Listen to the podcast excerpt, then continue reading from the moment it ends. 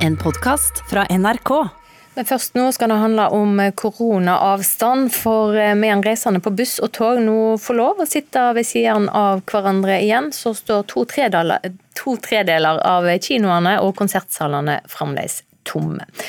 Der gjelder nemlig énmetersregel fremdeles, noe bransjen syns er svært urimelig. I dag skal de møte kulturministeren og helseministeren for å snakke om saka. Det er ganske alvorlig. Vi har stor omsetningssvikt, og vi taper penger hver eneste dag. Kinosjef Håvard Erga går sjøl rundt og desinfiserer kinosalene i Stavanger før kveldens forestillinger. Men fulle saler kan han ikke lenger håpe på. Da er det sånn at eh, hvis du f.eks. booker sete nummer tre, dette, og er alene, så låses automatisk det og det og det og det. Altså, du låser fem stoler på én billett.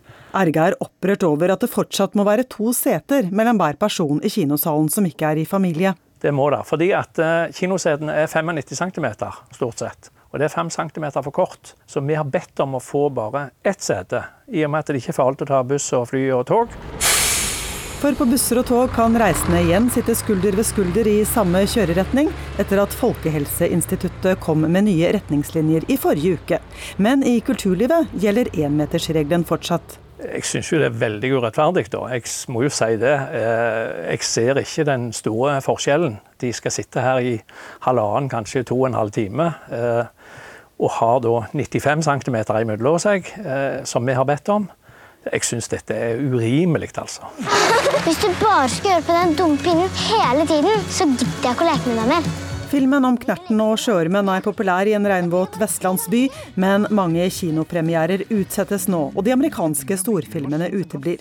Det merkes for de 205 kinoene rundt om i landet, også i Stavanger, sier Erga. Det betyr at vi, selv om vi kan ha 200 gjester, som de sier så flott, at nå kan du opp til 200 gjester, så kan ikke vi det. For vi kan i de største salene fylle opp med en tredjedel av det som er kapasiteten, og under halvparten på resten av salene. Så, så for oss hjelper det ikke med 200. Ja, Så vi taper jo mye penger på det. Det gjør vi. Veldig mye penger. Vi er ganske forskrekket over at det er så forskjellige regler for vi som driver med kultur og eh, med transport sier assisterende direktør Jørgen Stensland i bransjeorganisasjonen Film og Kino. Vanskelig er det også for kulturhusene, som bare fyller 15% av salene nå, sier daglig leder Nina Hodneland i Norske kulturhus. Det både de og kinoene nå vil ha, er en dansk modell der meteren måles fra midten av setet og ikke fra skulder til skulder. Det vil hjelpe og være trygt, sier Stensland. Eh, det vi har kjempet for, er ikke å sitte på hvert sete, men å sitte på annet hvert sete. Kulturminister Abid Raja og helseminister Bent Høie har innkalt bransjen til møte i dag for å diskutere saken. De to statsrådene opplyste i går ettermiddag at de nå vil be Helsedirektoratet om en ny vurdering av enmetersregelen i kulturlivet. Det gir håp, sier Stensland. Det, jeg tror de ser at det er urimelig. og det fremstår som urimelig når noen bransjer får noen regler og andre bransjer får helt andre regler. Eh, så det er vel en, en, et forsøk på å samordne noen av disse reglene, vil jeg tro. Reporter her, det var Annette Anette Johansen Espeland. Guttorm Petterson, administrerende direktør i Film og Kino, god morgen. God morgen. Eh, du skal vel være med på dette møtet i dag, tror jeg? Ja, jeg har sagt at jeg vil være til stede. Hvilke forventninger har du? Jeg forventer ikke umiddelbart at det skjer noe, men jeg håper at dette nå kan starte noe som gjør at vi nærmer oss i hvert fall å kunne gå tilbake til måten å, å måle fra ansikt til ansikt, og ikke fra skulder til skulder. Hvilket vil si annethvert sete på, på kino og andre kulturarenaer. Hvorfor betyr det mye for dere? Det betyr eh, mye umiddelbart, fordi det gjør at man kan selge flere billetter, få bedre økonomi, naturlig, naturlig nok. Men det betyr også noe med, med, hensyn til kapasiteten, som gjør at vi kan få eh, filmer, eh, få ferskvare, som vi ikke får i dag fordi kapasiteten rett og slett er for liten. Ja, og Mange av de filmene som skulle hatt premiere, de er jo utsatt og skjøvet på utover. Um, og det er stadig utsatt. Altså, amerikanske filmer kommer nok ikke på, på norske kinoer før før USA selv åpner opp. Og der går utviklingen motsatte vei av hva den har gjort i Norge. Hva betyr det for oss nå som venter på de store filmene? Det betyr at de blir skjøvet og skjøvet, og, og den det blir en propp i systemet som Når proppen da omsider trekkes ut, så blir det jo veldig mye filmtilbud, men, men akkurat nå er det filmtørke. Ja, og Hva betyr det for kinoene i Norge? Nei, Det er en katastrofe sånn uh, umiddelbart, men det kan også være farlig på sikt. Fordi det betyr at folk avvenner seg med å gå på kino. Og at uh, de sitter hjemme og, og følger det som tilbys på strømmetjenester og, og andre. Og hva skjer da med norske kinoer?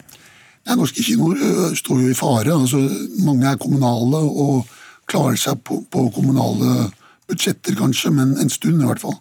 Men der også blir man jo satt opp mot andre forpliktelser kommunen har. Så, så det er, er, fare på ferde. Og spesielt små private sliter veldig, veldig mye. Og store private, selv med kompensasjon. Sommeren er jo ikke alltid regnet for å være en så veldig god eh, kinomåned, men høsten pleier å være bra, og ikke minst frem mot jul. Absolutt. Høsten er høysesong, men sommeren har også vært bra i Norge etter at filmer fra USA slippes i Norge samtidig.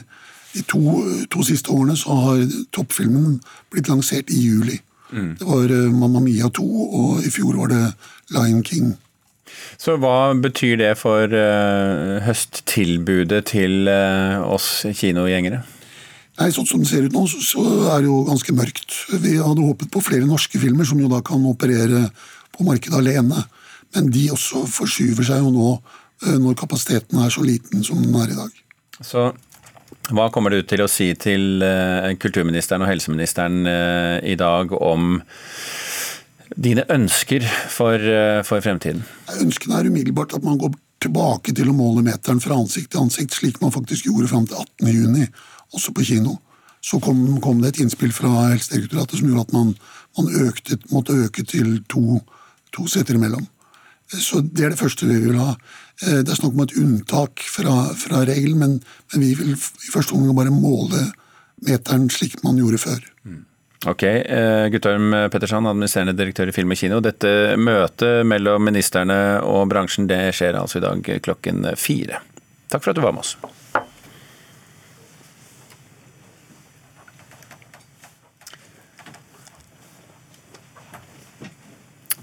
Ja, Birger? Vi har fått en eh, gjest i eh, studio for å snakke om eh, det nye spillet Ghost of Tsushima. Det er et spill man spiller på PlayStation 4, og mannen som nå satte seg i stolen, han heter Rune Fjell Olsen, er vår spillanmelder. Kaller det i vår nettver din nettversjon av anmeldelsen for en moderne samurai-klassiker. Hva snakker vi egentlig om da? Dette er jo et spill som eh, foregår på en eh, ekte japansk øy som heter Tsushima. Eh, og på 1200-tallet så ble den invadert to ganger av mongolske styrker. Og dette spillet er jo da en fabel basert på disse faktiske hendelsene. Så dette er et spill da som bader i japansk føydalkultur og historie. Også sånn veldig japansk estetikk. Eh, så, Som vi kjenner fra japanske filmer? Ja, og, og en del vestlige spill. Da. Så det, det, er veldig sånn romantisering av denne visuelle stilen mm. i Vesten, og med god grunn. Det ser veldig lekkert ut. Jeg har sett på en, en, det som heter en spilltrailer. Ofte så er jo de litt lekrere enn selve spillet, men hvordan er det i, denne, i dette spillet? Det er omvendt. Det er lekrere i spillet enn i disse trailerne. Det å være i denne verden er en eh, utrolig sånn nydelig opplevelse. Hvor eh, du plutselig så kommer du til et sted hvor du får liksom altså Det ser veldig flott ut, og du går av hesten din eh, og bestemmer deg for her vil jeg bare kikke litt. Og så får du muligheten til å lage et haiku-dikt ikke sant, der. Du kan se på de forskjellige stedene, og så velger du hva du vil fokusere på i haiku-diktet. og sånne ting. Så det er veldig sånn zen, rolig. Og Hvis det er noen som nå får inntrykk av at dette er send og rolig, så kan du vel avkrefte det ganske ettertrykkelig, for her snakker vi brutal vold. Ja, Det starter jo med invasjonen av de mongolske styrkene, hvor da alle samuraiene på øya, det er noen og 80 av dem, eh, møter opp på stranda for å ta dem imot. og Det er jo tusenvis av mongoler, ikke sant? og alle blir slakta da, unntatt noen få. Eh, og Du spiller da som en av de overlevende eh, samuraiene. Som da tar jobben med å liksom samle et lite lag da, av elitekrigere og, og, ta tilbake øya. Mm. Det, er, det, er, brutalt også. Veldig sånn tett på med disse katanaene. Altså sverdene? Ja. Eh, ganske brutalt. Men det tar seg god tid til å liksom ta det ned. Og liksom, du Varme kilder, og du skal sitte og slappe av og bare kikke på den flotte naturen og sånne ting. okay. Du har, eh, har sagt at, eh, at, friheten i spillet blir overveldende. Forklar hva det betyr for oss som ikke gamer. Dette er en sjanger som, som, er sånn åpen verden, gjør hva du vil, i hvilken rekkefølge du vil, type spill. Og det fins ganske mange av dem. Og den sjangeren har blitt befolka av veldig gode spill de siste årene. Eh, hvis du har spilt en del av de spillene, så er det også den følelsen av å komme inn da, på et kjempestort kart, og så dukker det opp det ene spørsmålstegnet etter det andre, og du kan utforske hvor du vil og gjøre hva du vil. Den der følelsen av å gå glipp av noe viktig, ikke sant? den kan sette seg. da. Ja. Du eh, velger feil, rett og slett? Ja, eller at du ikke får med deg alt, eller at uh, altså Det er så mye.